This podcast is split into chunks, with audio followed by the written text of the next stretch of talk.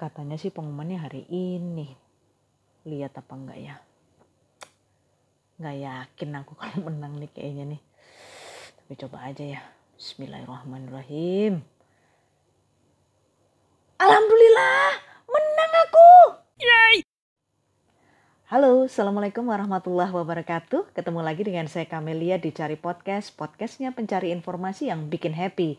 Masih di tantangan 30 hari bersuara dari thepodcasters.id. Dan malam ini, hari ke-26 ini, temanya adalah tentang kemenangan.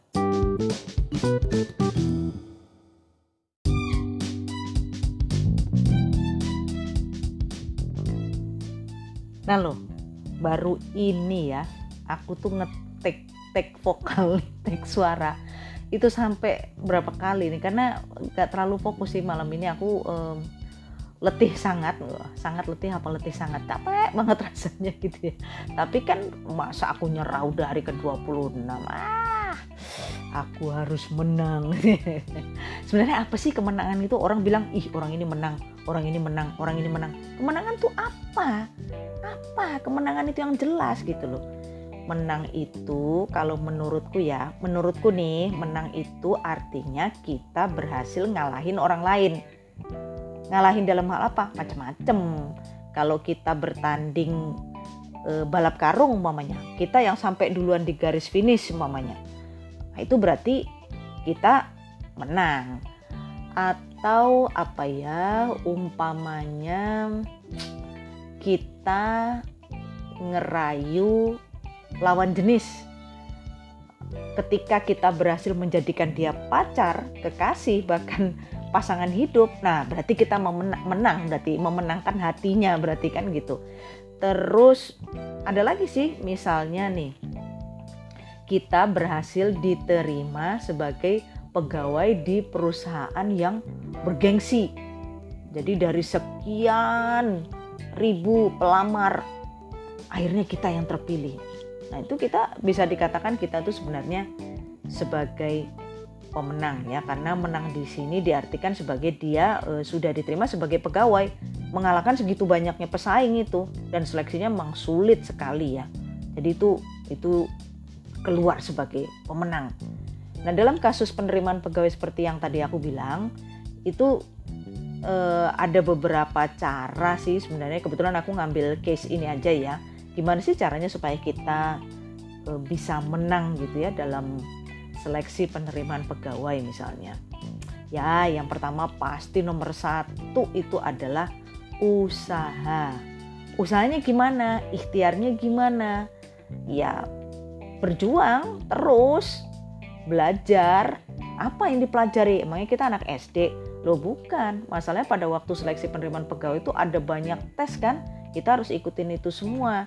Lah kita belajar, belajar dari mana? Beli kayak buku-buku tentang tes psikotes umpamanya atau tes TPA kita cari info dulu ya sebenarnya yang diujikan tuh materinya apa gitu. Terus kita bisa beli buku atau kalau nggak mau modal nih kita bisa cari yang e, di internet banyak kok. Contoh soal-soal penerimaan pegawai itu banyak banget. Kita bisa melatih me, melatih membiasakan diri kita untuk menjalani ujian-ujian itu ya karena apa biasanya kita menjadi ala bisa karena terbiasa Ya, jadi kalau kita sama sekali nggak pernah latihan, itu pasti hasilnya pasti beda dengan yang sering latihan. Nah, itu namanya usaha, ikhtiar. Cara kita berjuang untuk memenangkan eh, pertandingan seleksi ini. Terus apalagi? Ya mungkin kita cari-cari info dari temen yang udah pernah lolos juga seleksi tahun lalu atau mungkin seleksi di tempat lain. Eh, gimana sih? Kemarin tuh apa namanya seleksi di tempat kamu gimana? susah nggak? Oh ya susah. Terus kira-kira soalnya kayak kayak gimana sih modelnya? Modelnya kayak begini begini begini. Oh ada uh, apa namanya model soal yang gambar-gambar itu loh. Nanti kamu harus yang gambar pohon gambar orang. Nah kalau kamu gambar orang uh, kamu nggak boleh matanya nggak boleh terlalu gede umpamanya seperti itu. Atau um, apalah yang yang bisa temen temenmu ceritain gitu loh sebagai apa sebagai tambahan wawasan dan pengetahuanmu sehingga kita semua ini nanti uh, kamu siap ya untuk di hari hanya kemudian tes. Itu namanya usaha. Usahanya tuh seperti itu itu. Ya terus yang kedua ini masih terkait sama usaha nih menurutku itu pakai taktik Kenapa kita perlu taktik? Kalau kita cuma usaha biasa-biasa aja belajar, doang nih belajar aja buku nih kita ulang-ulang, tapi kita nggak mempelajari taktiknya ya kita capek. Ada juga ya mungkin kita bisa memenangkan pertandingan tapi kita capek. Taktik ini biasanya itu sorry kalau kalau kita belajar taktik kita uh, tahu jalan pintasnya gitu loh.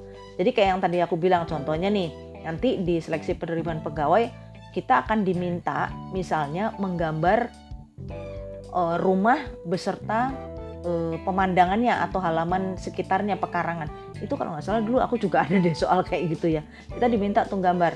Nah, mungkin pada waktu kita latihan sehari-hari ya kita gambar biasa, rumah, terus ini apa pohon, rumahnya ada pintunya, ada jendelanya, terus berwarna ini. Nah, tapi kita nggak mempelajari taktiknya, tipsnya, triknya, supaya gambar kita itu dipandang luar biasa oleh si pengetes ini, penguji ini karena e, sebenarnya tuh katanya loh ya, kata temanku yang psikolog itu itu ada triknya loh gambar itu. Jadi nggak bisa kita cuma gambar rumah sama pohon gitu. Ya kalau gambar gitu doang mah semua orang juga bisa. Cuman bagaimana gambar kita itu apa sih istilahnya Eh, nggak uh, nggak terlalu gede. Jadi gini si pohon ini ternyata sama rumah itu nggak imbang ukurannya. Misalnya seperti itu. Nanti kita akan dianggap sebagai pribadi deng, uh, orang dengan pribadi seperti ini. Ah aku nggak ngerti deh tuh ilmu psikolog seperti itu. Terus lu gambar orang. Nah, nanti kalau orangnya itu terlalu banyak perhiasan nih namanya kita pasang tuh orang pakai kalung. Wah nih anak ini kayak kayak begitu ya mungkin penangkapnya. Nih nih anak nih nih anak ini matre nih pasti nih. Calon pegawai ini matre. Nah itu kita nggak bakal dipertimbangkan. Jadi kita mm, untuk mencapai kemenangan itu ya kita bukan hanya belajar begitu saja. Kalau menurutku sih kita harus tahu tipsnya tahu triknya tahu taktiknya gimana supaya kita bisa dapat jalan pintas untuk mencapai kemenangan itu terus eh, taktik itu juga terkait gini, umpamanya ngerjain soal. Ada soal 1 sampai 100 umpamanya ya. Nah, ketika ada suatu soal yang kita anggap ini sulit dan padahal ini kan waktu main terus nih, argometernya main terus tuh. 100 eh, soal 100 menit umpamanya berarti kan satu soal satu menit udah lewat dari satu menit kita belum bergerak dari soal itu lewatin aja gitu loh nah seperti seperti itu yang yang menurutku juga perlu dipelajari supaya kita bisa menang gitu ya supaya kita bisa terpilih menjadi pegawai di perusahaan itu. Jadi ya kalau soalnya susah ya lewatin aja, nanti aja diulangi lagi. Toh kita pada waktu akhir biasanya kita cek lagi kan dari atas kan begitu. Atau kita tandain, kita ingetin aja oh tadi nomor 13 nih yang belum aku jawab nomor sial ya. Nomor nomor 13 nih yang aku belum jawab, ntar balik lagi ke situ deh gitu. Terus yang ketiga, nih ini agak berat nih. Sebenarnya sih ya ini relatif ya, yang aku sampai ini semuanya tergantung tergantung kalian juga. Mau diterapin monggo nggak diterapin juga nggak apa-apa. Yang ketiga ini tebar pesona. Aku nggak tahu ya ada hubungannya apa nggak. Maksudnya tebar, jangan konotasi negatif loh. Maksudnya tebar pesona itu keluarkan semua kemampuan performu. Jadi jangan ya mau wawancara kerja kok ya apa namanya bajunya lusuh umpamanya kayak gitu terus kamu pemilihan warnanya maunya wawancara pakai baju merah. Ini orang ngajak berantem apa ngajak wawancara? Tebar pesona tuh maksudnya itu supaya kita dapat first impressionnya itu loh. Supaya uh gitu loh. Oh anak ini charming. Anak ini kelihatan looksnya tuh wah dia kelihatannya cerdas banget nih anak nih ya gitu. Terus apa namanya jadi orang itu kan uh, dilihat memang pertama ya pertama pasti dari penampilannya. Walaupun ada peribahasa kita jangan menilai orang. Kalau untuk penilaian selanjutnya jangan nilai dari penampilannya lah ya. Itu urusan selanjutnya. Ini menurutku supaya bisa menang menang pertarungan dalam seleksi pegawai menurutku tuh kita juga perlu sih tebar pesona dalam konteks positif loh ya. Bukan over dan apalagi negatif. Ini menurutku. Terus yang keempat itu ya pastilah ini ini pasti nih kalau ini berdoa. Wah berdoa. Mau berangkat tes pagi habis sarapan. Eh jangan lupa sarapan loh ya kalau mau tes. Nanti jadinya nggak nggak menang malah kalah bisa-bisan soalnya kelaparan pingsan gitu digotong orang banyak ya. Jadinya malah bukan pemenang. Eh, apa namanya berangkat dari rumah ya kalau yang muslim mungkin sholat tahajud dulu malamnya terus subuh kemudian duha baru berangkat. Bismillah. Cium tangan sama ibu. Bu saya mau berangkat ya mau tes. Doain ya bu ya biar aku bisa diterima sukses. Dan aku bisa jadi anak berbakti selamanya untuk ibu. Uh, uh, uh, uh.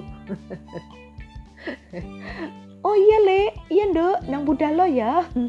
Engkau tak dongak, no lah kan doanya ibu itu kan paling mujarab itu. Lalu perlu cium kaki ibu ya. Supaya apa ya, insya Allah kita akan uh, bisa tergabul semua doa-doa kita. Terus yang terakhir ada juga sih orang yang puasa biasanya ya untuk supaya jadi pemenang itu hmm, supaya aku bisa mengalahkan atau kita punya niatan atau punya janji apa biasa orang puasa seperti itu sih kalau menurutku kalau dalam ini aku tadi kebetulan nyontohin kasusnya penerimaan pegawai ya supaya kita keluar sebagai pemenang dan terpilih e, menjadi pegawai di perusahaan bergengsi mengalahkan sekian ribu pelamar mungkin berarti kan kita udah menang tuh ya kan Ya, begitulah saudara-saudara, kemenangan itu sifatnya sementara ya. Jadi pesanku ini juga untuk self reminderku. Jangan kotori diri kita dengan kesombongan. Saya Kamelia, ketemu lagi besok. Bye bye.